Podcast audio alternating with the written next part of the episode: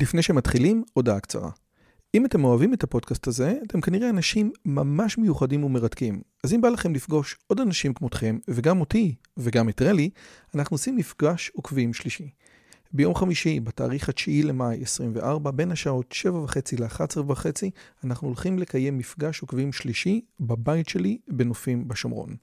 מה בתוכנית? מינגלין וכיבוד עם עוד עוקבים מרתקים כמוכם, הרצאה שלי, דיון לגבי הערוץ, ציור בסטודיו ובסוף קומזיץ ופיתות על הסאג'. הרשמה מראש היא חובה וניתן לעשות את זה בקישור שבתיאור הערוץ או לחפש את הלינק ביוטיוב. נשמח מאוד מאוד לראות אתכם. ועכשיו, לשיחה.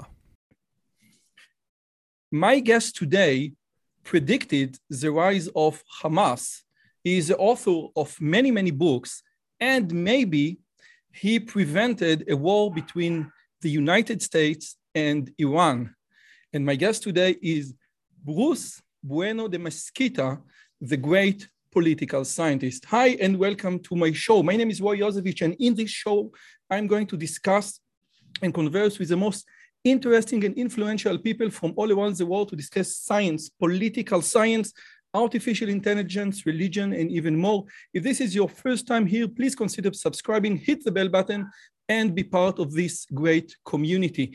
And my guest today, again, is Professor Gus Bueno de Mesquita, which is a great name, the biggest name in political science. He's a political scientist, professor at New York University, senior fellow at Stanford University Hoover Institute, institution, which is the good guys. And he has written many, many books, including uh, The Dictator's Handbook, like a 20th century version of Machiavelli the Prince, Spoils of War, and most recently, The Invention of Power, Popes, Kings, and the Birth of the West. Bruce, thank you so much for coming. How are you today? I'm very well, thank you. And I appreciate your having me. You've had some fantastic guests, sorry that you have to reach down to my level, but I'm, I'm happy to be here. okay, but again, this is the biggest name in political science. This is good. So let's start with the beginning. Uh, it, it it's not a common American name, Bruce Bueno de Mesquita. Uh, what, what is the origin of this very interesting name? Uh, so during the, um, this is going to be a longer answer, I'm sure that you want, but during the Spanish Inquisition, uh, my family was uh, living in Cordoba in Spain. Uh, and as best as we can tell, there's a certain amount of speculation here. Um, uh, part of the family were the Kohanim who were running the uh, synagogue that is two or three blocks away from the uh, mosque in Cordoba. The, even today, uh, the dome of the mosque, where the imam calls the faithful to prayer, is called the Bueno de Mesquita. So, as best as we can piece together, uh, the, the Muslim community, the imam in particular, tried to figure out what to call my ancestors to relate them, what they did to what he did, and came up with Bueno de Mesquita. Okay, um, this is a great story. So, uh, are you Jewish? Yes. Oh, this is great. Okay, nobody's perfect. okay, so okay, you know, there are so much to discuss with you. If you write Bruce Bueno de Mesquita on YouTube, you will find advices on how to buy a how to buy a car, which is a great advice, and you will buy and you will find many many things. So, with your permission, let's start with the Dictator's Handbook, which it seems like a, a modern version of Machiavelli's The Prince. Would you uh, would you agree with this uh, thing? Uh, yeah, so to, to, to a significant degree, I would agree. There are places where I would, would disagree with it. Um, uh, Machiavelli in The Prince was concerned, as the title says, with how a prince should govern. Uh, he was trying to get a job. He, didn't get the job. Uh, the Dictator's Handbook is uh, an explanation uh, of how any sort of ruler needs to govern in order to remain in power. So, not limited to a prince, uh, but to anybody uh, democracy, autocracy, monarchy, military junta makes no difference uh, who wants to govern. Uh, and whereas um, Machiavelli's analysis was empirically driven. He, he was a good observer. Uh, the Dictator's Handbook, um, I should mention my co author, Alastair Smith. Um, the Dictator's Handbook is based on game theory modeling uh, and then empirical analysis of the game theoretic thinking. Okay, but I would say that, you know, some aspect of game theory also exists in the prince, although not explicit because he didn't know about game theory. But you know if you that you need to get rid of the someone who got you into the power position is i think part of what we now consider game theory. Now the uh, the second title of of your book is why bad behavior is almost always good politics which okay which you know leads us to the connection or the disconnection between moral or morality and politics. And on its face, it seems that it, it's not that they are independent, they are the extreme opposites. Would you agree? Uh, I do agree. And I should emphasize at this point, uh, because that's a very important observation, uh, that the Dictator's Handbook is uh, designed to be a uh, I'm going to use it in a technical sense, the, a positive book, not a normative book. Oh, uh, we, we are not recommending how people should govern. We are trying to explain why people do what they do. Okay. Because, you know, in English, I think that Big Nick or Old Nick is a, nick, is a nickname for the devil because of Machiavelli. So the prince got very bad reputation throughout history. And again, it was correct in the in in in the sense that it truly describes what a prince should do to remain power. Now, a, a, a major pillar in your book, in your theory, is the concept of keys.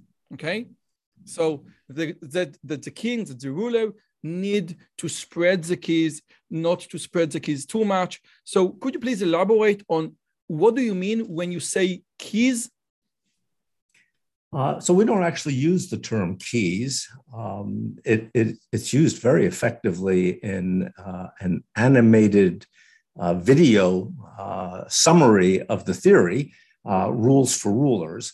what, what we mean is there are basic rules that people who govern have to follow if they want to stay in power. Um, and th- those rules involve some very simple principles you want to depend on as few people as you possibly can to keep you in power. And to make those people stay loyal to you, um, they are the, the keys. Uh, you, you need to pay them handsomely. Uh, they, they need to believe that they cannot, they cannot do better backing somebody else. You want to pick those essential people from as big a pool of possible replacements as possible so that they each know that if they don't do exactly what you want, you can get somebody else who will get the nice benefits of being your backer. Uh, and, and they can be tossed aside. So they know there's a risk that they can be thrown out. Uh, you want to tax as much as possible the people who support you don't need to keep you impossible as much as possible, meaning up to the limit just before they would revolt, because it becomes worthwhile to revolt. And you don't want to spend the money that you need to keep the keys loyal uh, instead on the general public. You might be civic minded with the money that's left over, your discretionary pot. You might want to steal it, or you might want to spend it on good public policy, and you might have good ideas about what that is, you might have bad ideas. But the essence is you have to keep the keys loyal, and to keep the keys loyal, you have to compensate them well. So when it's a very small group of people, the efficient way to govern is to, is to be corrupt. It's to bribe them, basically. And when the group gets to be much larger, it's just too expensive to bribe a lot of people. So instead, you have to produce effective public policy. And that makes it essentially a race with competitors over ideas. And so you wind up losing power quickly. So again, it's very cynical, you know, when in so even even a benevolent king cannot not you know bribe the key the loyalty. And again there is this tension between i will give money to the people but again i need to give money to loyalty. And this happens again and again even in democracies. And you give the, the examples i think that in farming subsidy okay? In farming subsidy i basically bribe you know like groups of powers that I wouldn't have uh, bribed them in in a country where farming or the group of farmers are not strong enough is not strong enough. So again, it happens all the time. Would you agree? It happens everywhere throughout history and not just in government, in any organization. Every organization has what we call a selectorate, the pool of people who have a say in picking leaders and what you're calling the keys, the winning coalition, the people essential to keep you in power, every organization.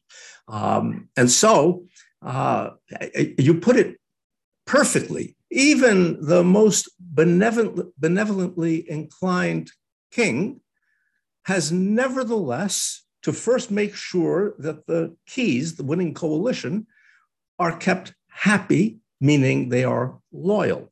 And the way to do that is when it's a small group, is, is, is to govern inefficiently from the perspective of the people, deprive them of lots of good policies, and instead have a corrupt society, even though you want to do the right thing. If you do the right thing, a rival who is prepared to make the, the keys better off will overthrow you. So you have no choice.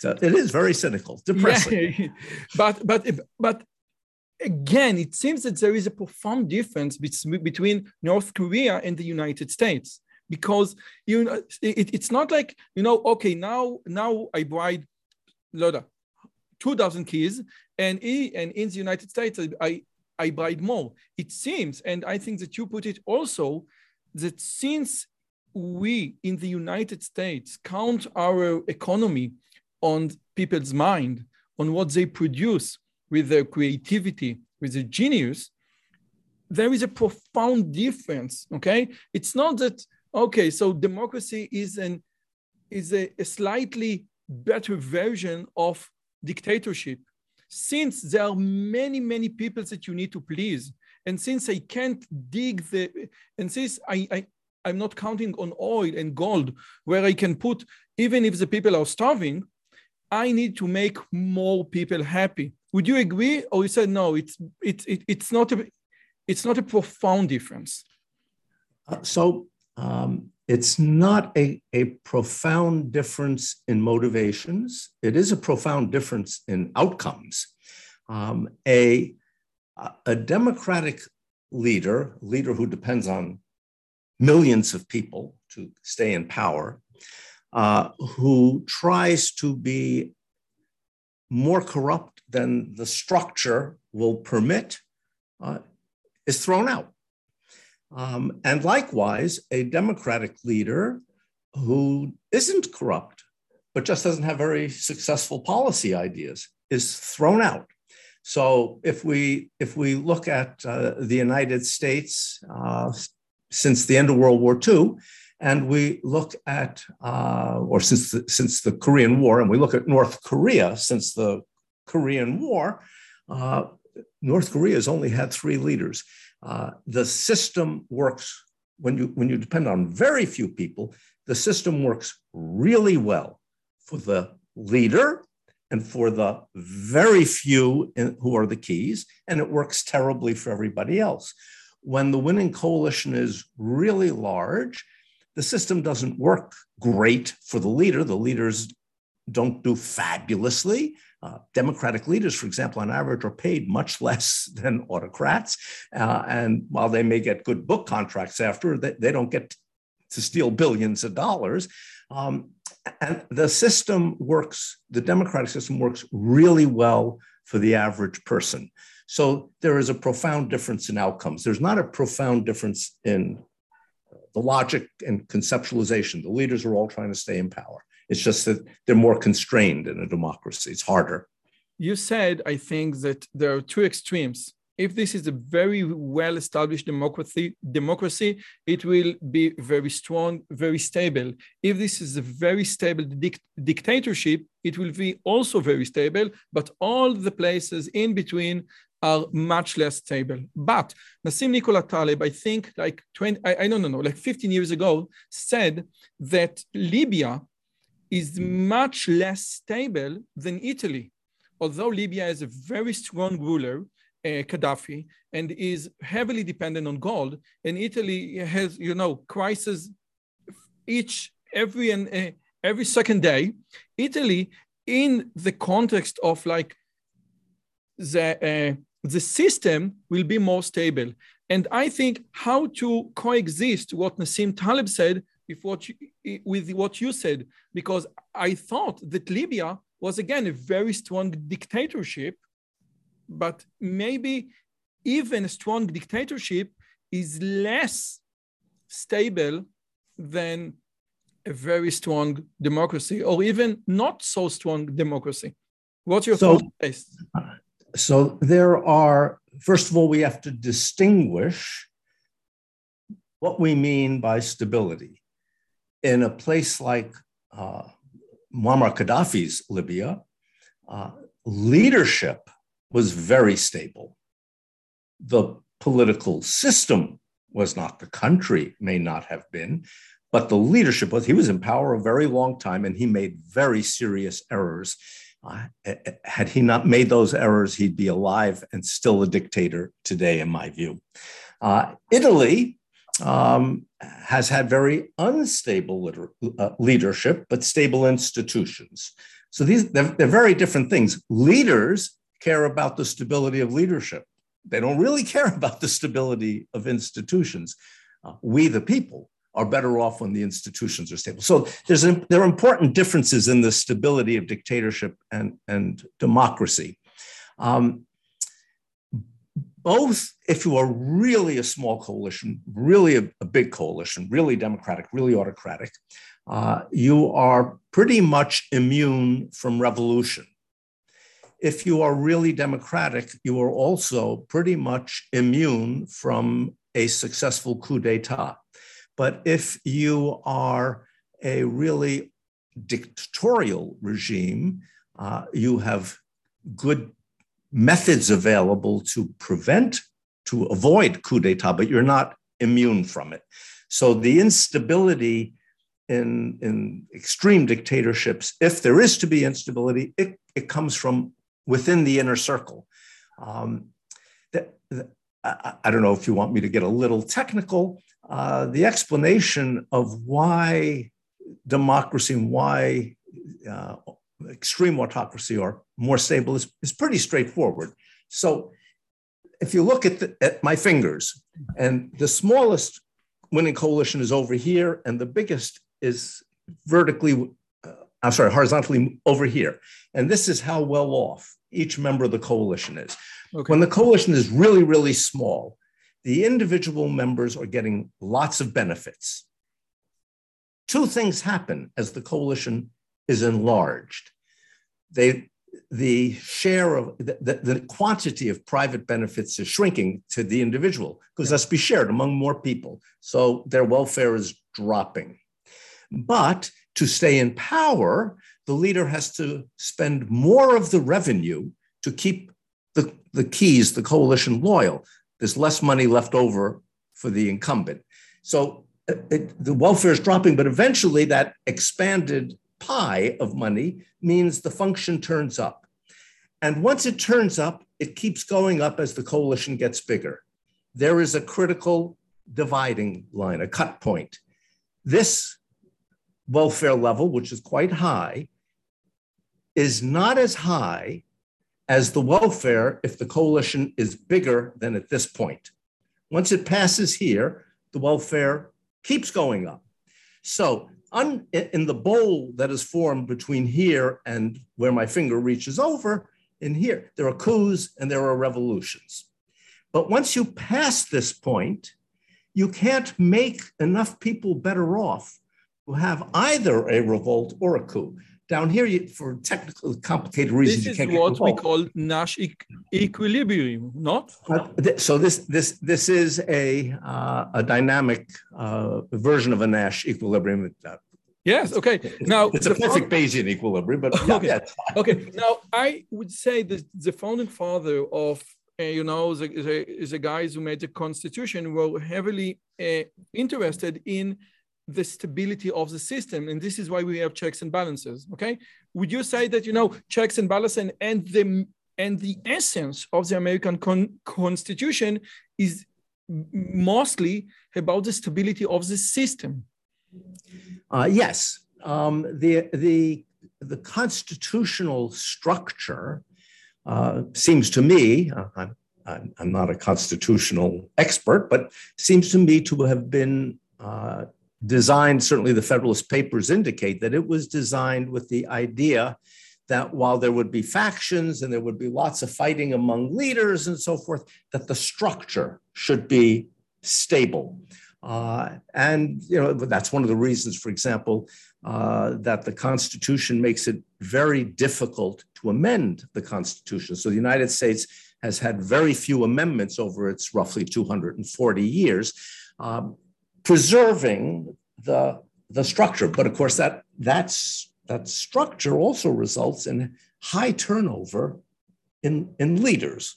So uh, you know, the North Korean system produces low turnover in leaders, much better for leaders.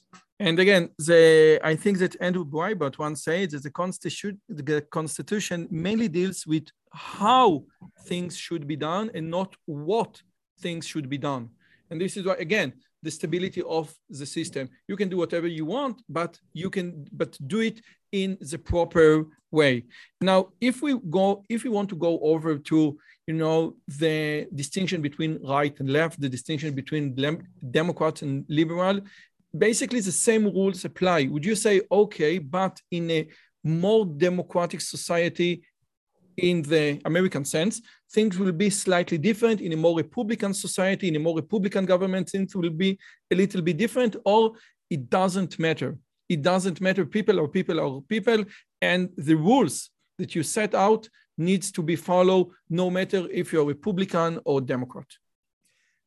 Yes, I, I, I, I think that that's right. I think the current, what I would describe as a, a, a near constitutional crisis in the United States, is exactly about that. It is that the rules, there was an attempt not to follow the rules, uh, and the attempt so far has failed um, because it seems, I can go back here, once you're up in there, enough people value keeping the structure stable uh, that they push back against the effort to corrupt uh, the rules.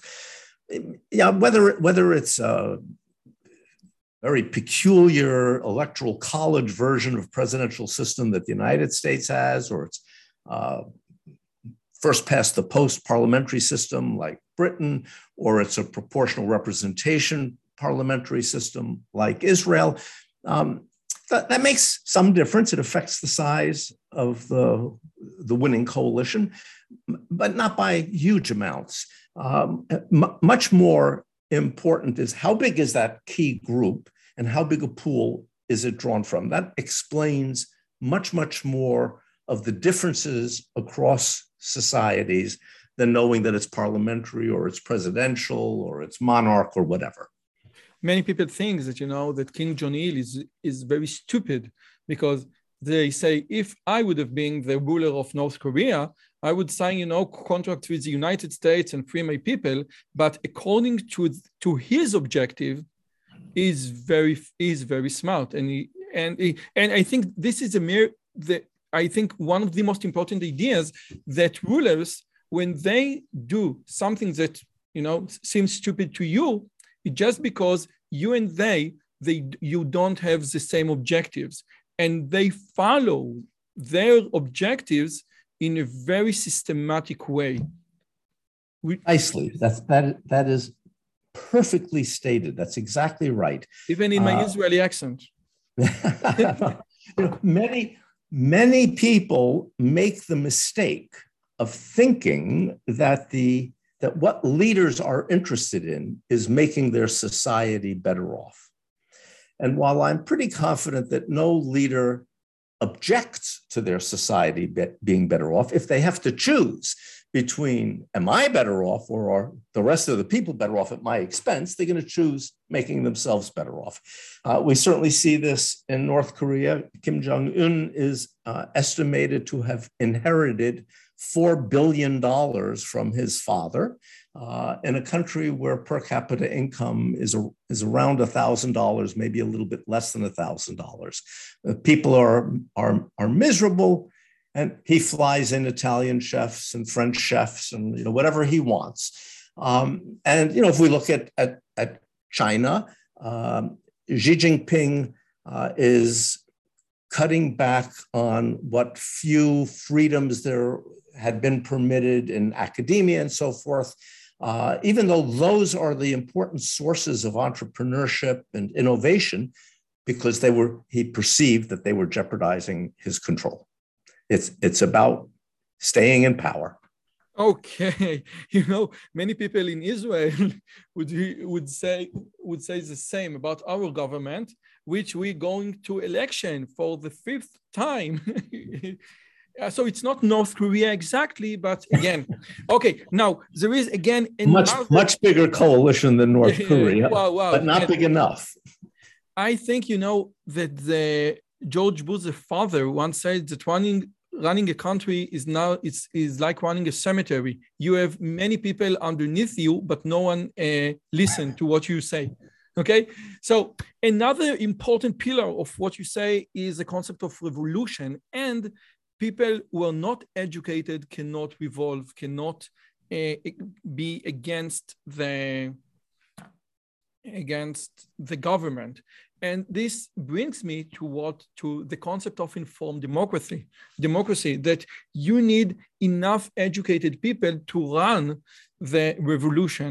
And in many dictatorships starving uneducated illiterate people just can't run a, can't run a protest can run you know the justification of the ideas of the protest would you can can you please elaborate on the importance of educated citizens?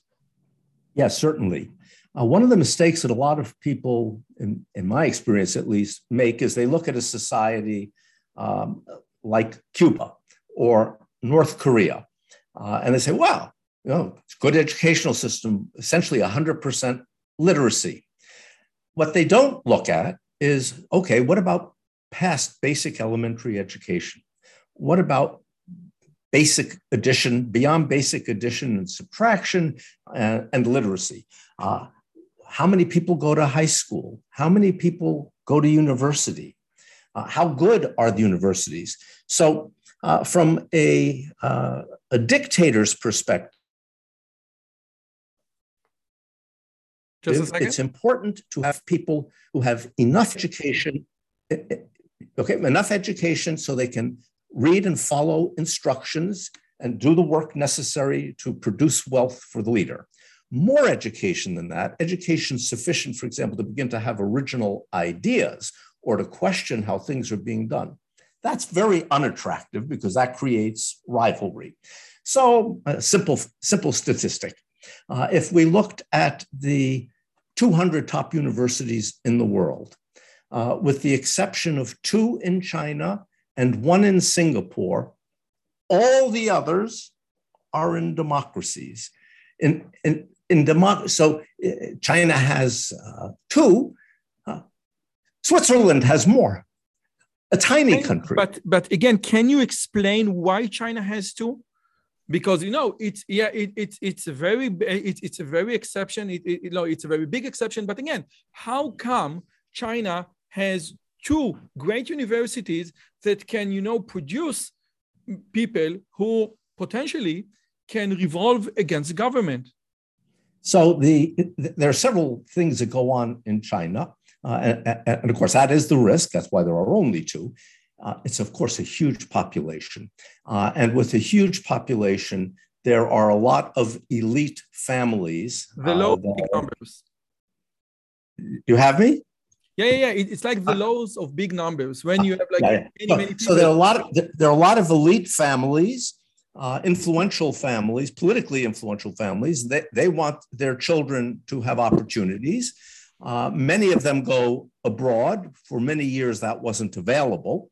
Um, and others go to uh, Chinese universities and then go abroad for graduate work. So they they need some places to produce these elites. Uh, they also, we should note, uh, are the universities are very strong in, uh, in fields like mathematics, physics. Uh, they're not strong in fields like politics, Science, science. economics, yeah, um, where, where that's riskier. Uh, so there are very, very few exceptions. Singapore is, to me, the more interesting exception because I believe Singapore is uh, is evolving towards becoming a democracy, and there are reasons why societies become democratic, and that, that's a within the theory there are. Um, S- Singapore has, in the last few years, joined the ranks of places that have highly thought of universities. They didn't before, uh, and that that's consistent with their movement in a positive uh, political uh, direction. Um, yeah, e- education, very dangerous thing. Healthcare too, by the way. Uh, a lot of people again they look at a place like Cuba and they think, oh, look, it's a great healthcare system. Uh, it's a great healthcare system for uh, workers. You, you, you don't want workers to do miserably, but places that have small coalitions, a small number of keys, um, uh, tend to have uh, poor health care for infants. They have high infant mortality. Cuba is a place people point to low infant mortality, but it's higher today relative to the rest of the world than it was under Fulgencio Batista before Castro. People don't look at oh, what it was like before. Not, not that Fidel Castro was worse than Batista or better than Batista, simply that when you have that, we have dictatorship for that long, the quality erodes. So you want to have a few good hospitals to take care of the elites, or you want to be able to fly them to places where they can be taken care of. But the, you know, the people who aren't producing wealth for you are not important, so you don't you don't worry about them. So I, I it- is so true. I want to quote something. This is my first book about, you know, and and uh, it's called Rosh Gadol in Hebrew. It's like think big.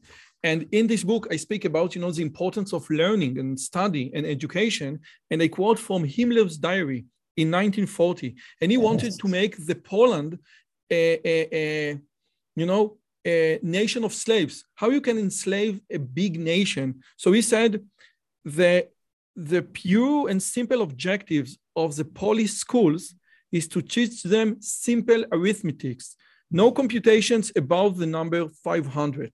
they will know to know how to write the name and the doctrine that it's a divine law to obey the Germans. I don't think reading is a good thing for them. And again, this is how you make a you know a nation of, of astronomers and philosophers how you enslave them with education or with the lack of education. And, again- after all, in the in the you know just a second. Three. And I will say even another thing, you know, when God speaks about the promised land, about the Holy Land, he said that in this land you will find bronze and iron. It doesn't say gold and diamond, because again, if you dig gold and diamond out of the land, this like a very good recipe towards dictatorship. But if you dig bronze and iron, you need to count on the creativity and genius of the people. So this is part of why we don't have gold and diamond in Israel.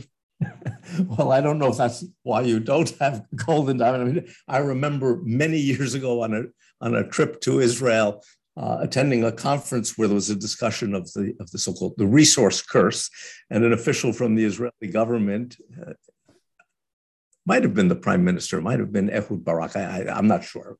Quite a while ago. Uh, ma- made the comment, ah, maybe we could have had a little bit of oil. Um, the and in fact you do now.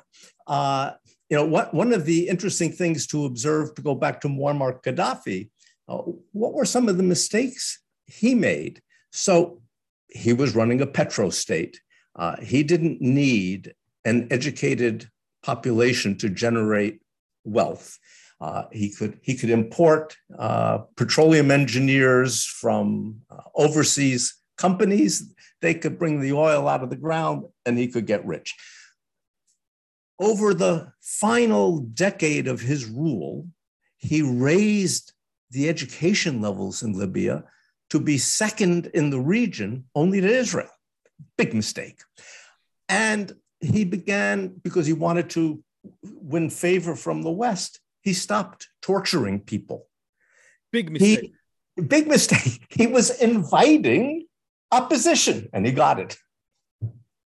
So again, so the idea of a benevolent dictator is oxymoron. If you're going to be a good dictator, someone will replace you eventually. And this is just the law of life, the law of nature. It has nothing to do with what your aspirations, with a group of people, just mere logic. And this is brings me to the next topic that I want to discuss with you. Before, before you leave, I, I yes. wanted to make one very small adjustment to what you just said, because what you said is correct up to a limit.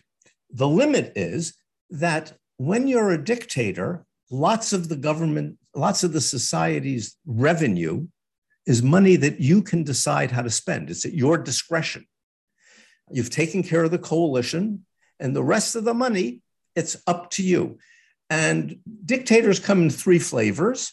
Uh, they come in the flavor of, of kleptocrats, thieves, uh, who, you know, this, this is why secret bank accounts exist. So they have a place to stash the money.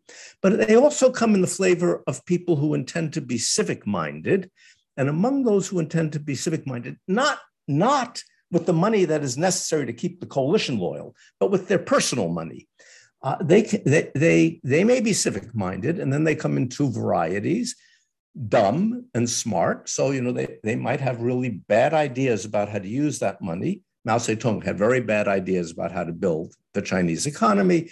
Uh, Kwame Nkrumah had very bad ideas about how to build Ghana's economy, but they might have good ideas. Lee Kuan Yew had good ideas. Deng Xiaoping had good ideas but it's with the money that they could take. It's not with the money they need to keep them in power.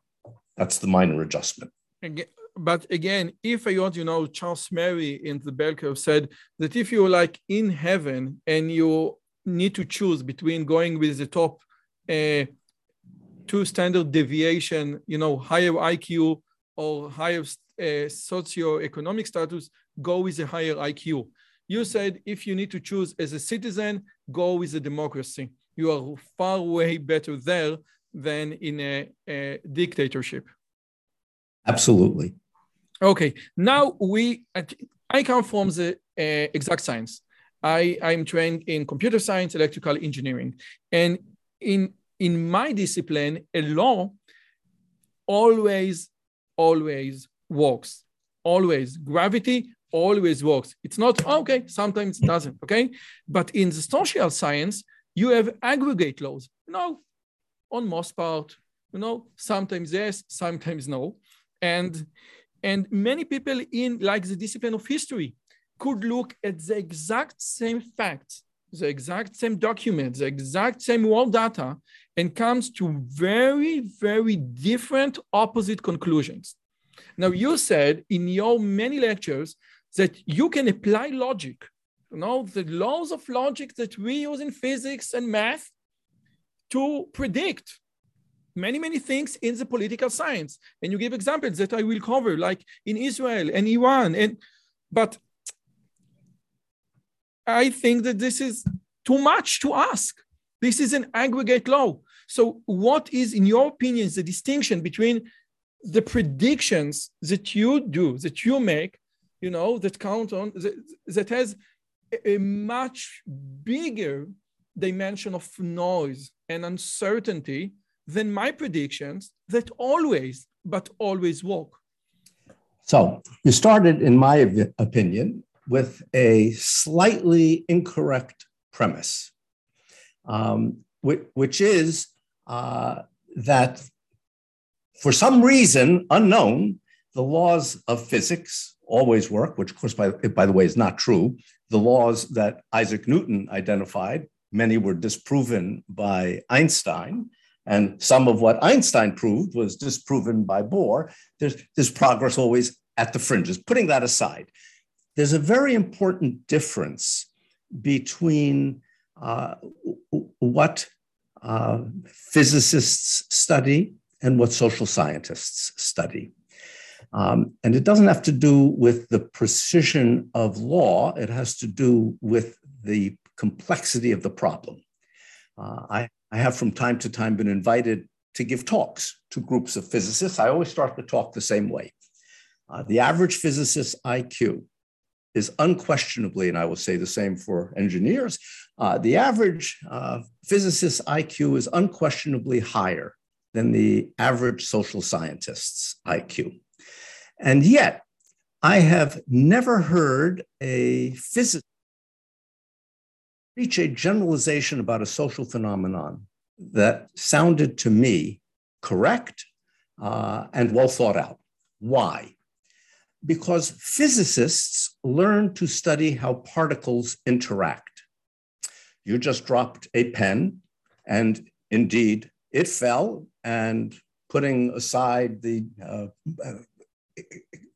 air, air pressure and so forth, uh, so the friction, yeah, it fell roughly at 32 feet per second per second. Okay. Ah, you still walk with the feet thing. Oh, I forgot. I'm sorry. But, but if I were sitting in the room with you and I picked up the same pen and I tossed it at you, you would put your hands up to block it. Social phenomena are about how, for want of a better term, particles interact strategically. Physics is much simpler. It's about how particles interact. Two particles crash into each other, and there's a consequence. Neither particle prepared for the crash. But in social phenomena, we prepare for the crash. And so b- behavior is strategically altered by the expectation of what is coming. So it's a much more complicated problem. So I wouldn't say that there aren't uh, laws. I would say we uh, have identified a few of them, but there are undoubtedly a lot out there we have not yet identified. Prediction. We have apparently identified enough that um, I constructed uh, a, a, game theoretic model for, uh, for any number, any finite number of players uh, that I apply to real world problems in uh, advance um, to predict what will happen and sometimes to uh, engineer what will happen. That is, if you can predict accurately, then it should be the case that if you can change some of the pathway or some of the inputs, you can change the outcome. Uh, the track record of the models I've developed uh, is well over 90% accuracy according to other independent audits, not my opinion, independent audits of the work. This is not because I have some great insight or whatever. psychic insight. It's it's it's because it's not that hard a problem. Uh, people do what they believe is in their best interest. So if you pin down precisely what the problem is that you're studying, and you identify who are the parties interested in trying to influence it, and you just need to know four pieces of information about each of those parties. What do they claim they want? Not what's in their heart of hearts, because you can't know that, but what do they what are they currently asking for? What are they bargaining for?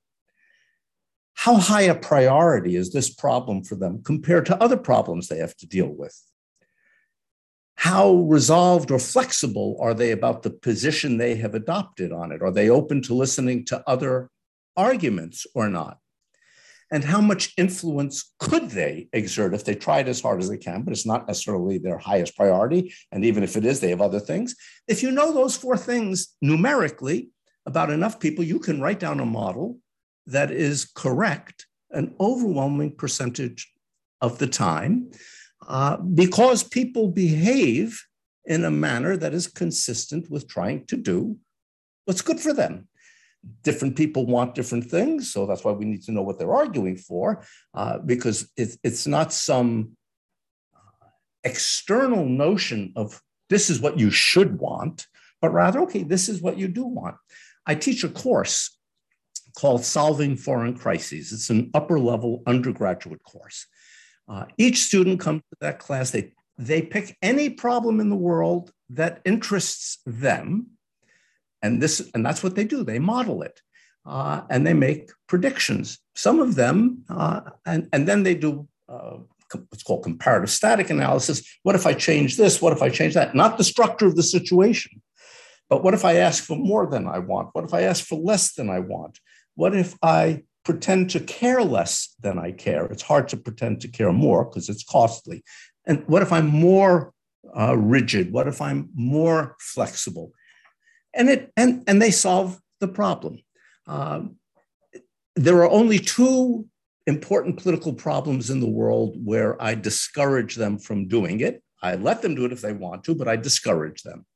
Uh, one is uh, the Israeli Palestinian dispute, and the other is Kashmir. And I discourage them for the same reason. So I pose to any student who says they want to do it, I pose a, a simple thought experiment. To change the outcome without a war, you need to be able to at least imagine a change from the status quo that would be better for the Israeli leadership and better for the Palestinian leadership. Tell me what that outcome looks like. Because I, I just don't have that much imagination. I cannot imagine such an outcome. So I said, well, peace and stability. I said, yes, peace and stability will be good for the Palestinian people. It will be good for many Israelis, but the government won't get reelected on that because the benefits will be realized well down the road and, and the political sacrifices will be realized right away. So it's unlikely, that's why I emphasize the political leadership, not the people. Uh, the same problem with Kashmir. What could the Pakistanis put on the table that would improve the status from, from the status quo for India? You know, they don't have enough leverage, just as the Palestinians don't have enough uh, leverage, enough friends uh, to make the difference. So I, I, say that these two problems, I think you can do them. You will be very okay, disappointed. Okay, okay. So just a second. Just hold on. okay. Okay. One, uh, let me just strengthen your point about physics because you're extremely right about physics. One, physics restricts itself to, you know, the interaction between two particles. This is why it can demand and produce levels of accuracy unachievable by any other standard. Chemistry, you know, the basic building block is the, mo- is the molecule. Therefore, chemistry is much less accurate. In biology, the most profoundly uh, building block is the cell. Therefore, biology is much less uh, predictable than chemistry and physics. And psychology, this is the man, which is much way complex. And in political science, in economy, it's not just one man, it's a group of men. So, wow, this is way too much complex. The, the, the, level of complexity in solving economical problems, in solving political science problems is much more complex than physics. Totally uh, 100% with you on this. But when you say, okay, there are only four things that you need, you know, to what what he says he, he wants and how much can he be influenced, and people wants the best interest. Now, after I don't know, you know, the study of Danny Kahneman and many others, people usually want their best interest, usually, okay? And people usually, and usually, usually, usually, but you say, no, if I can manipulate those things, I can understand. Now, there is a very important distinction in political science between understand and explain. I think Dilthey made it, you know. Sometimes I understand in the physical world, but sometimes I just explain. And I can't rewind the the circles of history and say, okay, what would have been, what would have happened if I change? Because you cannot reround history. So my question is, you said, okay, my model works 90% of the time, which is great. This is a phenomenal, but just take Hamas, you know, the rise of Hamas in 2012. I think, you know, the Israeli intelligence didn't see it, didn't foresee it coming. And you said that you did in 1990. So, I did in, in a published paper. In a published, published paper in, in 1990. 1990. So yes. So what? Maybe you just had a fluke, or maybe, like you said, the Israeli intelligence put too much emphasis on their opinions and their willing and their aspirations. And I don't give a shit about this because I strict with the model and I keep my opinions aside. I completely agree. I can prepare, uh, Bruce. I, I, you know, the first the first two weeks of solving foreign crises is teaching the students to strip out of their thinking their opinion, their their preferences, and so forth. The problem is to identify what the interests are of the parties in the game, not their interests. Uh, it's not about opinion, it's about analysis. Uh, I also want to make a, an adjustment to something that you said in passing uh, with regard to uh, prospect theory, Kahneman and Tversky.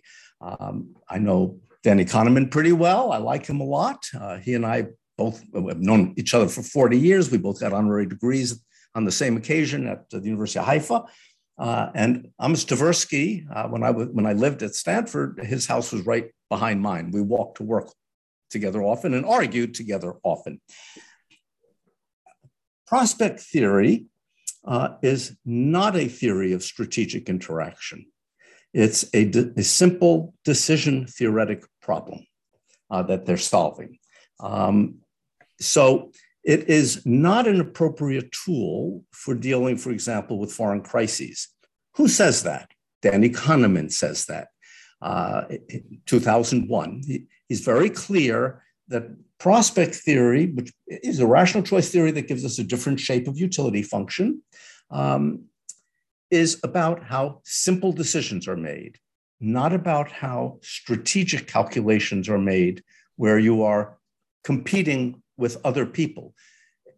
And he has, he has looked into trying to do that, has concluded it cannot be done because they don't have a sufficient theory of framing to determine what the setting will be that structures uh, where the interactions will occur. Um, this is an issue I had raised with Tversky decades ago, putting that aside. Um, yes, uh, politics is, is, is, is, involves a lot of variables, a lot of factors. I've boiled it down in prediction to four. Four variables interacting with each other in complex nonlinear ways is, is not a small problem. Could I throw in more variables? Of course, but I have a theory, and the theory dictates that I need to estimate these four variables to get highly accurate answers. History, something that you mentioned. I, I, I say to my students something very obnoxious. I, am going to put this in a context. As you mentioned at the outset, I recently wrote a book, The Invention of Power. It's about decisions in the 12th century. I care deeply about history. I read a lot of history. I write about history. History is not particularly informative or important in solving, for example, foreign policy problems. Why not? So I'm going to use a simple analogy. If you play chess, do you play chess? I just started. Okay, excellent. I just so, started. Excellent. It's a wonderful game. This if you an opening. If you if you walk in on two people playing chess, you're not playing, and you they've been they've, they've made several moves. You look at the board, and it's black's move. The thing that you are likely to be thinking about is what is the best move for black to make. So you might think about, well, if they do this, white will do that. If they do that, white will do something else. What's likely to work out best? You don't think about how did the how did the board get to this position? That is, what was the history that got it here? because solving the game from that point cannot be solved. You cannot go back and undo what's been done. So the question that you are posing in your mind is from this point forward, what are the optimal moves to make? Just a second. This is a great idea. Just a second. This is like uh, just hold on. This is a great idea. Just just a second. This is a very it's it's a brilliant idea, but now do it slowly. Okay, I can't go backwards, but there is no data, no importance in what have been in the past, even in the no, context no. of chess. Uh, no, I didn't. I didn't say that. I said something very much okay. more careful than that. Go so slowly. Me, go slowly. Go slowly because yes. it's a very important idea. So history will have shaped what each of the players in a strategic problem, what they want, how much they care about it, how, uh, how high a priority it is. It may have shaped their position that makes them more or less influential. It may have shaped all of the variables I care about. Other things may have shaped those things also. My concern in thinking forward to how the problem gets solved is what are the values of those variables, not what gave them their values, because it turns out knowing what gave them their values, at least in the analysis that I do, in the modeling that I do, doesn't alter the answer. If you know the values, you get an accurate answer. Because you account on the Markov assumption that giving the present, the past, and the future are independent. But this is only an assumption. I teach also the Markov assumption, and I, te- and I teach my students, guys, this is only an assumption. I'm a religious person. I think I hope in God that the Markov assumption stays correct, but I don't know whether the Markov assumption is correct. Giving the present, the past, and the future are independent. But this ah. is only an assumption. You assume this.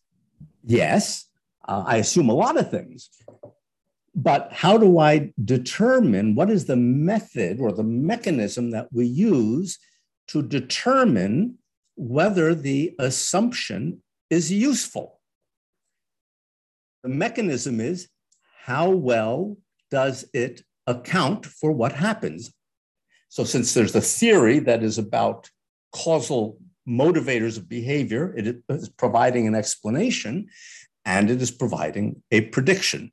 It is true that you can predict without explanation, but if you and it and having an explanation doesn't guarantee prediction, but it's really helpful to have an explanation to get prediction. So we make assumptions. I make, you know, I assume that people are rational. I assume they're self-interested.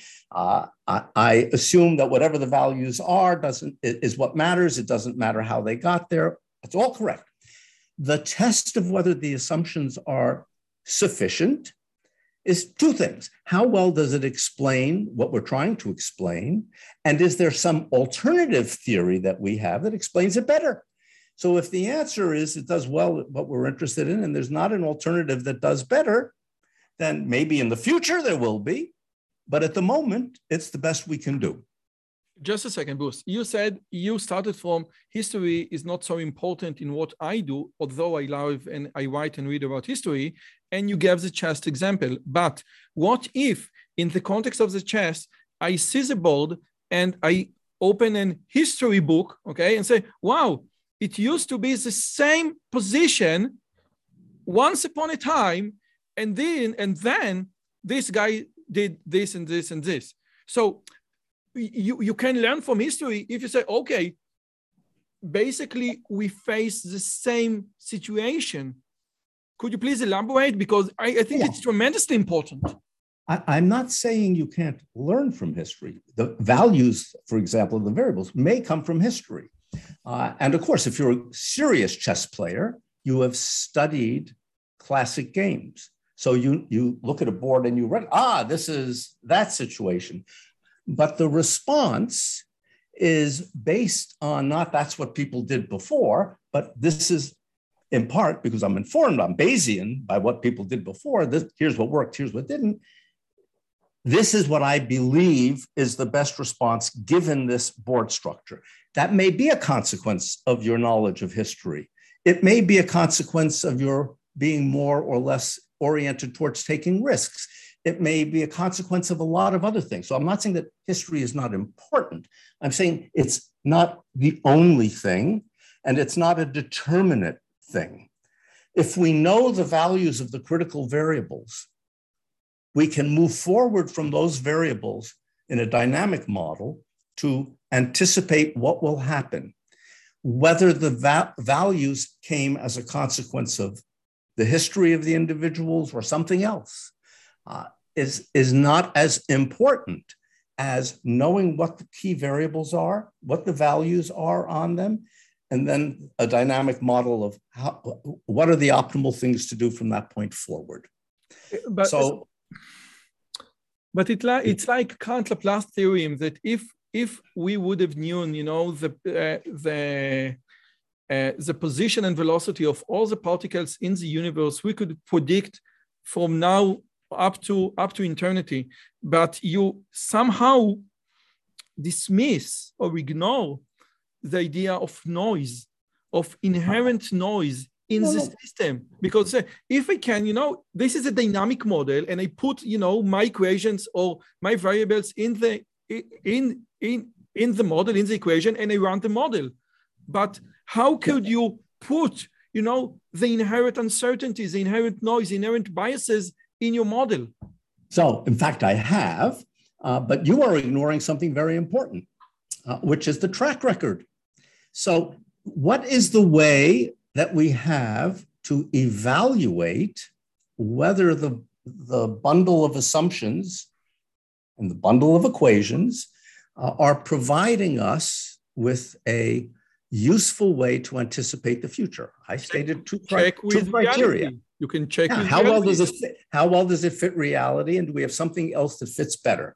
So there may be lots of noise out there. There's not that much noise because as I said, my accuracy rate is over 90%. So the noise is a pretty small fraction of the total. Um, so that already says we've got something that's helpful.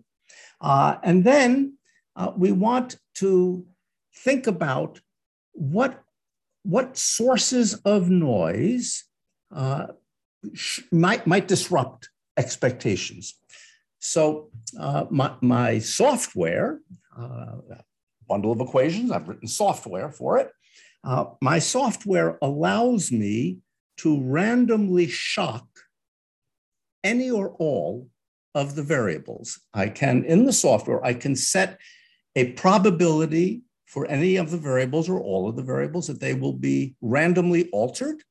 And I can, I can set a range within which that shock occurs. That is trying to get at the idea that there's measurement error, there are other sources of error.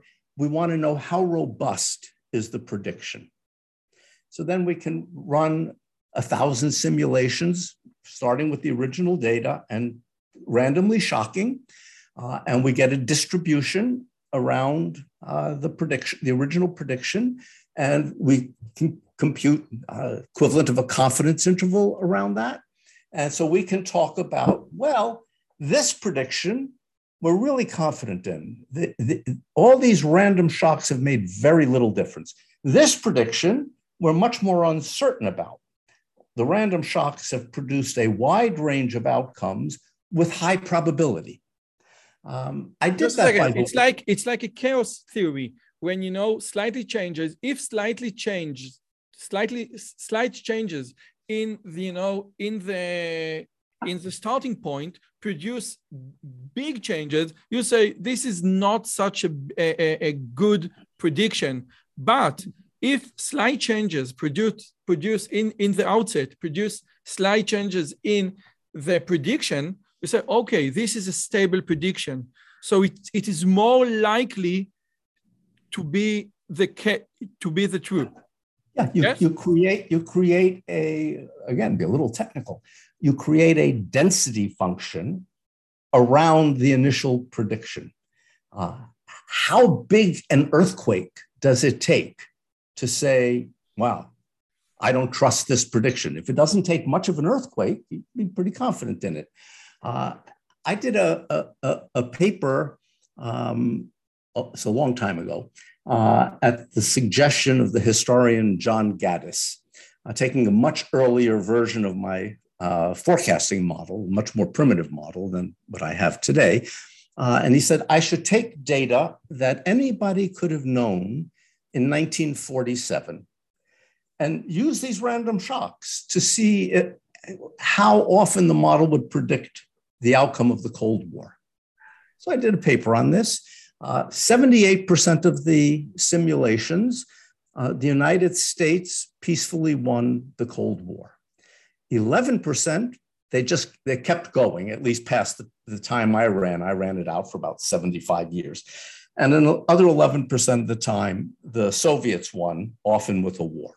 Uh, so what it was saying is there the, the, the seed in 1947 was sufficiently strong that with high probability, but far from certainty, the, the Cold War would emerge as, as, a, as a success for the West. Uh, and in, in, those models, they always predicted the formation of NATO and the formation of the Warsaw Pact, or something that looked a lot like them, and so on. But the model was completely uninformed about anything that happened in the world after 1947, just randomly perturbed. Just a second. It, it, it, it's mind blowing because, A, can I play with the model just like a, a business secrets of yours? Uh, yeah, we can we can play with the model. The model no, is. No, can I or, or, did you like publish the model or some of it so people can you know play or this, this is like a, a, a, top business secret of yours? Uh, so so the answer is both of those. Uh, I have published ninety some odd percent of the model. There are some elements that are business secrets because I have a consulting business, uh, but for academic use in classroom or for publication, uh, the model is for professors available for free online. Uh, and for students, uh, if it's in a course, it's $60 for a year license. They can run as many analyses. Oh, just again, how your model can predict the formation of NATO? What's the output of your model? Like, okay, so it's going to be a NATO. It, it, it, uh, as an AI engineer, as an AI uh, professor, I, I, don't know. I, I'm extremely interested. It, it's not a GPT-3. It's not a, you just produce, you inject numbers and the model produced number. So how yes, those so, numbers right. translated into the formation of NATO? So the model is showing uh, using some uh, network analysis. Uh, it's, it's showing what coalitions of players are forming. Ah. exactly. Ah, so, okay. And, and, so what you're seeing is a bundling of uh, states. Uh, I think in every NATO, every model, every simulation, there, there was, you know, it wasn't perfectly NATO. There was slight variations. Belgium, for some reason, often was not in, but pretty much everybody else, there they were. Uh, and the Warsaw Pact, almost perfect. Uh, so what, what's happening is the the players are again it's dynamic so their positions are shifting through time and those shifting positions are creating new coalitions and you see those coalitions. And those coalitions look like nato and the warsaw pact. It's like john conway the game of life just with real world implications. So it, it, now we had nate silver uh, publishing the signal and the noise in 2012 i think. And does your model can predict uh, if trump will win in 2024 or does your model can predict the price of bitcoin in 2040 and can does your model can predict you know the s&p figure s&p 500 in six months? So how or you just restrict yourself to coalition between parties who can who have interests and say what they want and bitcoin doesn't say what it wants? So uh, i've known nate silver since he was an infant. Um, uh, literally since since the day he was born his, his father is a political science professor He's a colleague of mine, Brian Silver. Uh, so I leave elections in democracies to Nate. Uh, I, could my model predict out, uh, outcomes of democratic elections Uh, the answer is yes, but I don't, I, as a matter of policy, don't use it to predict democratic elections. I have used it to try to help to shape outcomes in non democratic elections, um, but uh, in my consulting life, but not democratic elections. Uh, why? Uh, my consulting partner and I both believe that this that the power of this model is quite substantial, uh, and that it would instruct us on how to manipulate key variables with high probability to shift an outcome. Don't feel that that's appropriate in a democracy. That reduces the winning coalition to a very small set. It's a very dangerous thing. So, as a matter of policy, I don't do that. But many people but say, just a second, Bruce, that you know that the AI industry and Facebook and YouTube and Google are basically doing it, you know, yes. on purpose or purposely. But but you know, uh, many yes, people know. are afraid that the big tech, you know, can steer people towards one objective or another in this very manner. Now, your system is not AI in a way that it is explainable. You can explain the models, you can explain the assumption, you can explain everything. It's not just a, like a black box AI. Correct. Correct. Um, I am well aware that there are many people uh, at many big firms that are engaged in trying to influence these sorts of things. I personally feel it's not for me, an appropriate thing to do. Uh, Bitcoin, the S&P. So those are more complicated questions. Let me, let me preface my answer with exactly what my model, my forecasting model, is designed to do. It is designed to predict outcomes in situations where there could be a negotiated settlement of a problem and there could be the use of coercion. So, therefore, it is not an appropriate tool for markets. Of course, sometimes, and this is particularly true for Bitcoin um, or cryptocurrency in general, sometimes markets are driven by political events that involve the possibility of coercion and the possibility of negotiation. Those outcomes, those effects on markets are predictable. Uh, and I, I have from time to time done that, um, either for clients or for my own personal investment purposes. What do you think? What are you saying? Give us something. you say that in 2030, okay, I will ask you just one question, okay? And you can answer or not. Do you think that in 2030, seven years from now, eight years, eight years from now, we still use Bitcoin uh, as a trans as a as a currency in the world? So I'm going to answer your question with absolutely no expertise or knowledge on it. I'm very, very, very careful to note to people I have no wisdom. I don't make predictions. I have a model that predicts. If I don't feed data into the model and I don't solve the equations, I have no no better insight. Oh, so don't I, I I want the model answer. You said I don't. I haven't. Mo- I, I haven't, don't care about my opinion. I care what the yes, model thinks. I have not modeled the question, but uh, if you wanted to engage my company, we would be happy to model it for you. okay. So no, no. Okay. So there is one thing that you must answer me. Okay.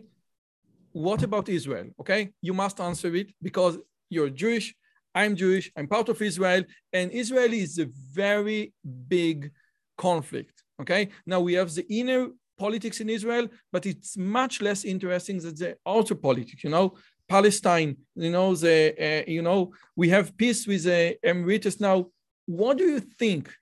And you have you must have put some of what Israel is now doing into your model because you wrote the 1990 paper about Israel where you predicted the rise of Hamas.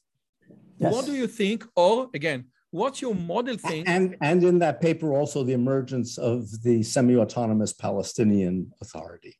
So, but, but, but this was in 1990. Now we are 2022. Yes. And I, I bet that you put again during those 32 years the data into the model. Okay, so how you what's what your model thinks about Israel and the and its near future and maybe far away future. So over the past uh, several years, oh, there's history. Um, the size of Israel's winning coalition, the keys, has been shrinking. Uh, it has declined. If we go back, say, to 1990, uh, the winning coalition at the at the end of the 20th century uh, was about 0.91 on a zero to one scale. Today, it's about 0.82. Uh, it's gone, maybe it's 83. It's gone down substantially. It's a very important decline. This cut point is generally up around 0.94, 0.95. So Israel is at risk. Uh, it is below that dividing line, and it, it, it has been moving the, the wrong way uh, from, from my perspective. It's been moving in a less democratic way. Uh, I fear that that could continue and that and there are solutions to that um, but they involve and israel has has experimented with some of the solutions in the past uh, and because it didn't like that is the people in power didn't like the outcome for example separating the election of the president from the election uh, or the prime minister from the election of the knesset um, that has that had potential features to make the prime minister's winning coalition quite a li- bit larger. The, the, the, winning coalition in the Knesset can be very, very small because you have ex- extreme proportional representation. Uh, Tell me about it. Our current prime minister has like he had he had seven seats in in the parliament. Now we have three. So yes, yes, yeah, yeah. No, this this is it, these are the consequences of bad structure. Um, you know, people think that proportional representation gives representation to many more points of view. That's a very superficial understanding of proportional representation. Why do I say that? So, yes, it's true that who's in the Knesset is representing a very diverse array of interests. And when it comes time to pass a law, it takes a majority of the Knesset.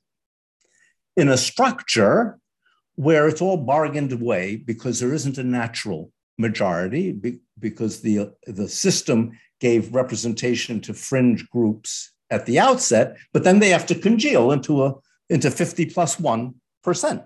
Um, so this makes it a system that invites corruption, uh, invites selling policy in exchange for favors um, and could be corrected by regional system. Yeah, yeah. Uh, but there are many, many ways to fix it. Um, if, for example, uh, there were a um, regional elections, uh, you're too small really for regional elections, sort of in the German design, uh, that proportional, also, you know, many ways, the, the German and the Israeli proportional representation systems are very similar, except that they're voting at the Länder level, uh, not nationally. Uh, that produces a bigger coalition. So, I mean, there are a lot of things that could be done. But I, I'm concerned that uh, for both policy reasons uh, and structural reasons, Israel is on a potentially dangerous path with regard to democracy. Uh, let's be frank here. Uh, the I haven't looked lately, but for many decades, it was true that the birth rate among uh, Arab citizens of Israel was higher than the birth rate among Jewish citizens of Israel. And for some elements in the political atmosphere in Israel, uh, that's seen as a dangerous trend uh, because if the country remains democratic, natural yeah yeah yes. development yeah. So uh, so i'm i'm concerned about israel. Uh, and i would like to say israel will self correct i would like to believe that. Um, I'm confronted with the problem that Israel is not above the cut point, and political leaders generally like to self correct in the wrong direction. So it will take activism by the people to self correct. I have not modeled whether that activism will be there, so I, I can't speak to that at but this point. activism can be a movement, a people movement towards changing the election policy. Yes, yes, yes. Okay.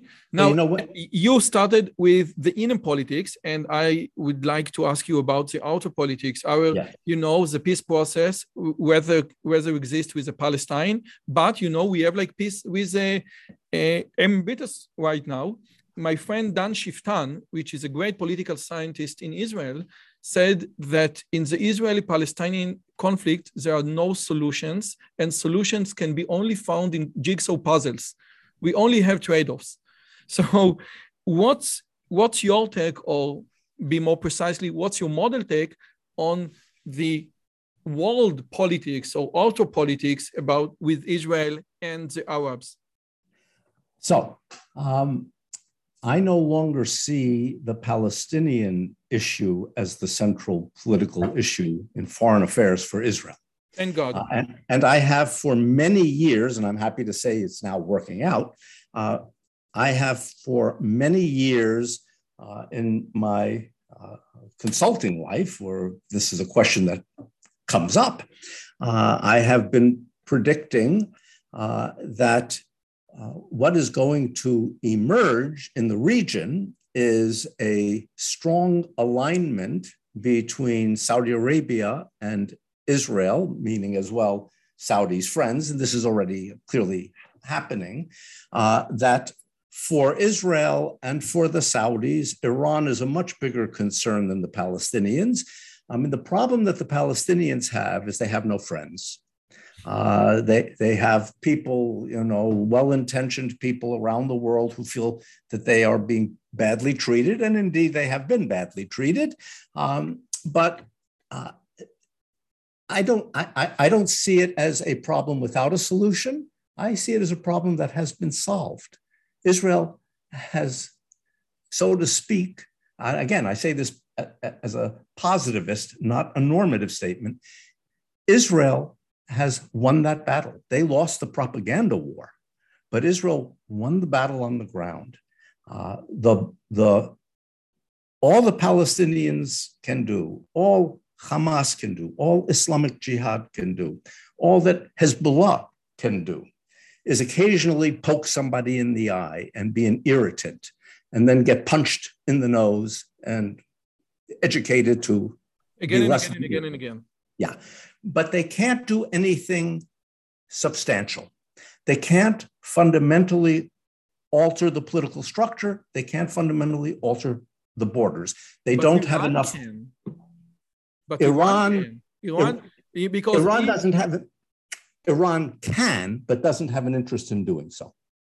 this is a big issue. You said that according to what you know and the, your model, Iran is uninterested in developing a bomb to destroy Israel. Rather, it has like you know this inner politics, etc., etc. And you, uh, uh, I think that you, th- this was you know your TED talk, like in Yes. 10 10 years 2009, 2009. 2000, February so 2000. that although all the things that we hear uh, morning and evening from Iran, Iran is not a genuine threat on Israel in the context of atomic bomb. Okay, so let's be very careful here. 2009. You're on our side, Bruce. I- I me just understand. remind you. I understand. I, I, I'm on the side of truth and analysis. Yes, but you want Israel to to stay exist. Yes. In, two, in 2009, uh, the indications were that at least for the subsequent five to 10 years, Iran was not going to build a bomb. And they didn't. Okay, I said that publicly in 2009. The Economist said I was the only person apparently who didn't know that they would have a bomb in six to nine months. And here we are, 13 years later, there's no bomb. That same statement today, I would not make it with the confidence that I made it in 2009. Why? Because the United States reneged on the agreement. And the analytic implication of reneging is from an Iranian perspective, and then I want to go into the domestic Iranian politics because they are critical. From, from a foreign policy perspective, the Iranian leadership has no reason to take as a credible commitment anything that the United States government agrees to because we reneged. A treaty would be a different matter. So I could if there could be a treaty on the nuclear program, then that would, that would have some sticking power. The difficulty is, and I, so I pose to you a question I pose to my students on this question. What is the what is it that the United States is prepared to give Iran change for Iran adherence to the 2015 agreement. The United States reneged. Lifting sanctions doesn't really speak to the problem. Of course, they would like that, but the sanctions could be slapped right back on a week later for reasons, after all, was slapped on by Donald Trump for reasons having nothing to do with the nuclear agreement. So, what is it that the United States, that, that Joseph Biden could credibly offer to the Iranian leadership that would get the Iranian leadership to resume enforcement and would be politically beneficial for Joe Biden. I, I cannot imagine what that it's a very hard like. question to answer. Yes, indeed. So therefore, if I if I were the Iranian leadership today, I would be thinking about building a nuclear weapon, not to attack Israel. This, I think, is, I understand the concern, but I think it's a mistaken concern. The purpose of a nuclear capability is not to take on Israel, it is to deter Israel and to deter the United States from overthrowing the Iranian regime. Oh, okay, so let me just ask you the same question differently. If you were consulting to the Israeli prime minister and he's and you say okay. And the israeli prime minister says listen we know that iran is heading towards producing or developing a weapon. Do you think we should attack like according to foreign uh, newspaper we kill all their engineers? Do you think that we need to halt delay postpone their progress? Or do you think that we need to let them do it because again, they don't want to throw it on us. Now, let me just remind you one thing. In probability theory, we have two things. One is a prior or is the probability that something will happen. And two is like Daniel Bernoulli says, the utility function. How do we evaluate the loss or the prize if something, even with a very small probability, happens? So, what would you advise an Israeli prime minister? So you raise a very important question, uh, which, which should be very carefully analyzed. My first response would be domestically at Iran. And what do I see? And by the way, the foreign policy community, from the time that they claimed Iran was building a nuclear weapon in the early 2000s to the present, thinks it's strictly a foreign policy question. And this is wrong. The dominant question, in my view, and in my analyses view, for the Iranian leadership is domestic. What do I mean? There are very powerful domestic interests in Iran that don't want the headache of a nuclear weapons program the Bunyads. The Bunyads control approximately 25% of the economy. They were created under the Shah, they persist under the theocracy. They are exempt from uh, taxes and they are exempt from being charged with corruption. They manage the this money of great. the Ayatollah. this is great thing. they manage the money of the Ayatollahs and of the uh, Revolutionary Guard. Okay. Uh, for them, and of course, they, they get a piece of the action. Their welfare depends on a good economy. And the nuclear program makes it hard, makes it hard to have a good economy. The petroleum industry has the same concerns. The local, the, the bazaris, the local merchants, the bankers also have the same concerns. These are powerful political influences in Iran. Uh, the Qum clerics also have, uh, the so called quietists have similar concerns. So the, the result in 2009 and the results in the analyses I've done along the way since then always point to the same thing. There are significant, very powerful figures in the Iran hierarchy who would like to develop, who think it would be prudent to develop a nuclear capability. But every time they move significantly, try to move significantly in that direction, they get enormous political pushback at home. What did the sanctions regime of the West do? The sanctions regime rallied the, these interest groups around their government, made the opposition less, less strong, less strong, less strident.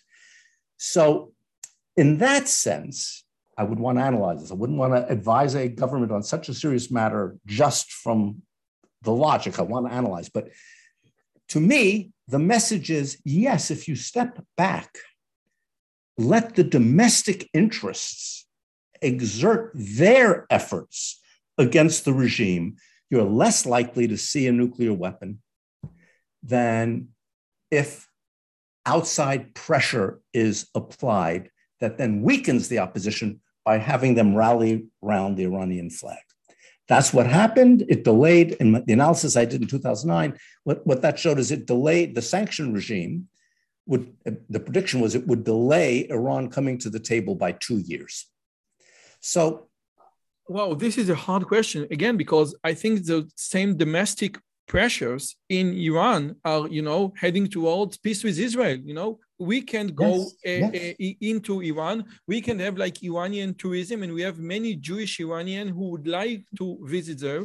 But it seems I can't very... right now with you because it seems that they don't apply logic, or you know, they don't want to maximize the economic value for them. It's yeah, yeah. So uh, let's go back to what you yourself said earlier yes.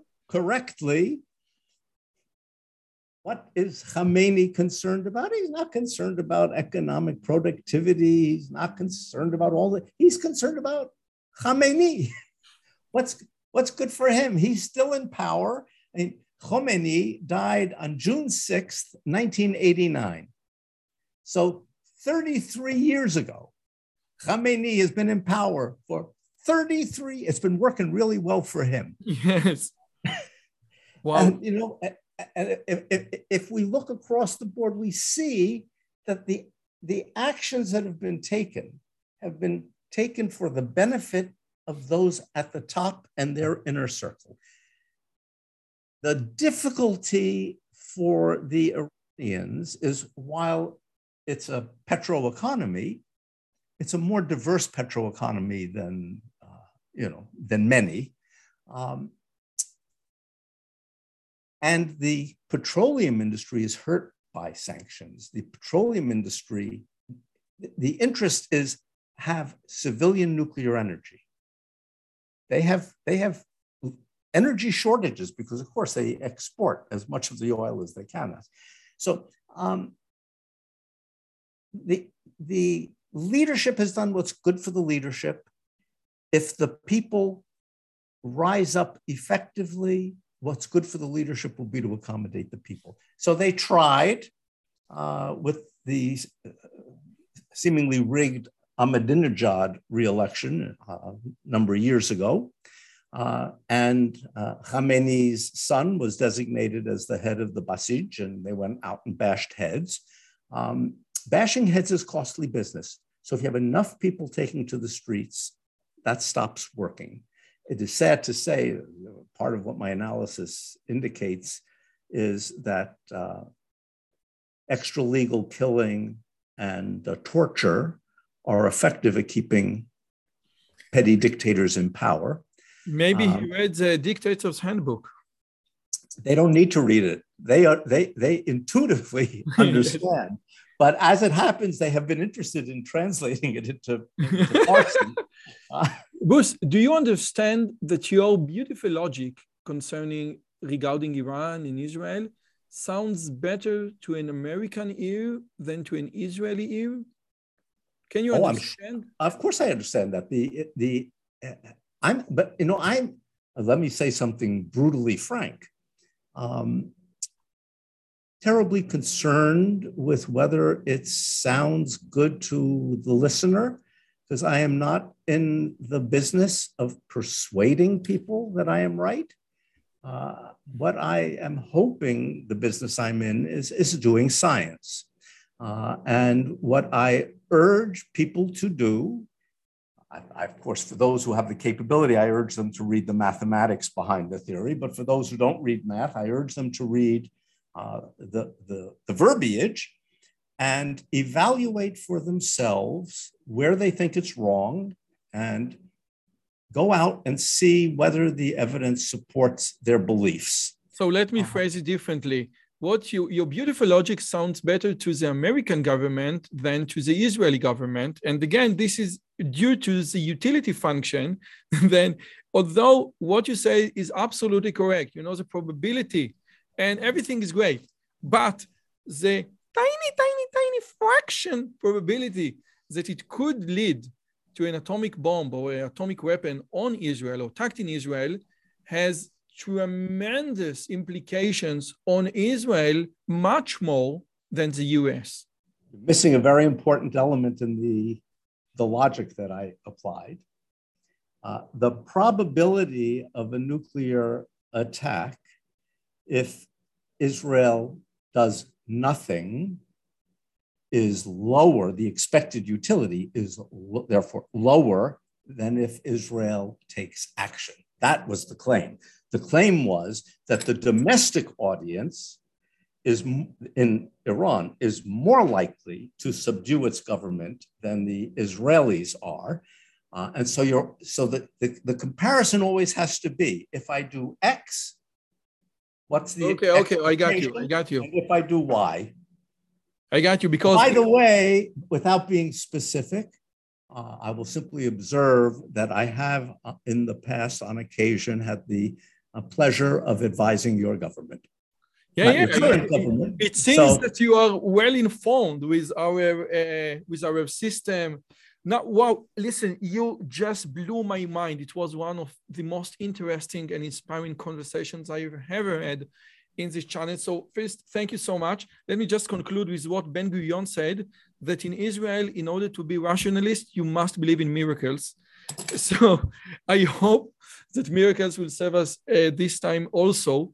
Bruce, thank you so much. We hadn't, uh, we did, we didn't have the chance to speak of your latest book, The Invention of Powers, and the, the Invention of Power, and I will be delighted to uh, bring you back. Thank you so be, much. This will be a pleasure. Thank you. One hell of a conversation. Thank you so much. Thank you. Okay, bye bye. Okay, this was Bruce Bueno de Mesquita. Thank you so much. And again, if you have been with me so far, so I must tell you, we have a community. We have a YouTube community. You can join us on the Telegram channel. We can you, you can uh, join us on the YouTube channel. You can invite me to give speeches and talks through all around the world. If you want, please just email me and you have my email in the description in the YouTube uh, video. Guys, thank you. I will meet you in the next talk. אם הגעתם עד לכאן, מגיע לכם כל הכבוד. אז תנו לי להגיד לכם שלושה דברים קצרים. הדבר הראשון, אם שמעתם משהו בשיחה שמעניין אתכם, שאתם רוצים לקחת הלאה, פשוט ספרו אותו לאנשים אחרים. משהו מעניין שאני אמרתי, משהו מעניין שהאורח שלי אמר, איזשהו רעיון שאתם רוצים לקחת איתכם לחיים, פשוט ספרו אותו לחבר או לחברה. זאת הדרך הטובה ביותר לזכור את הרעיונות מתוך השיחות האלה.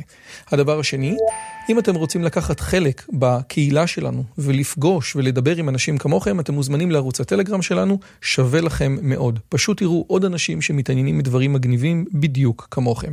והדבר האחרון, אם אתם יכולים, דרגו את הערוץ שלנו באפליקציית הפודקאסטים שלכם, זה יכול להיות בספוטיפיי, באפל פודקאסט או בגוגל פודקאסט, זה תהליך קצר של שתי שניות, הוא מאוד מאוד יעזור לנו להפיץ את הבשורה הלאה.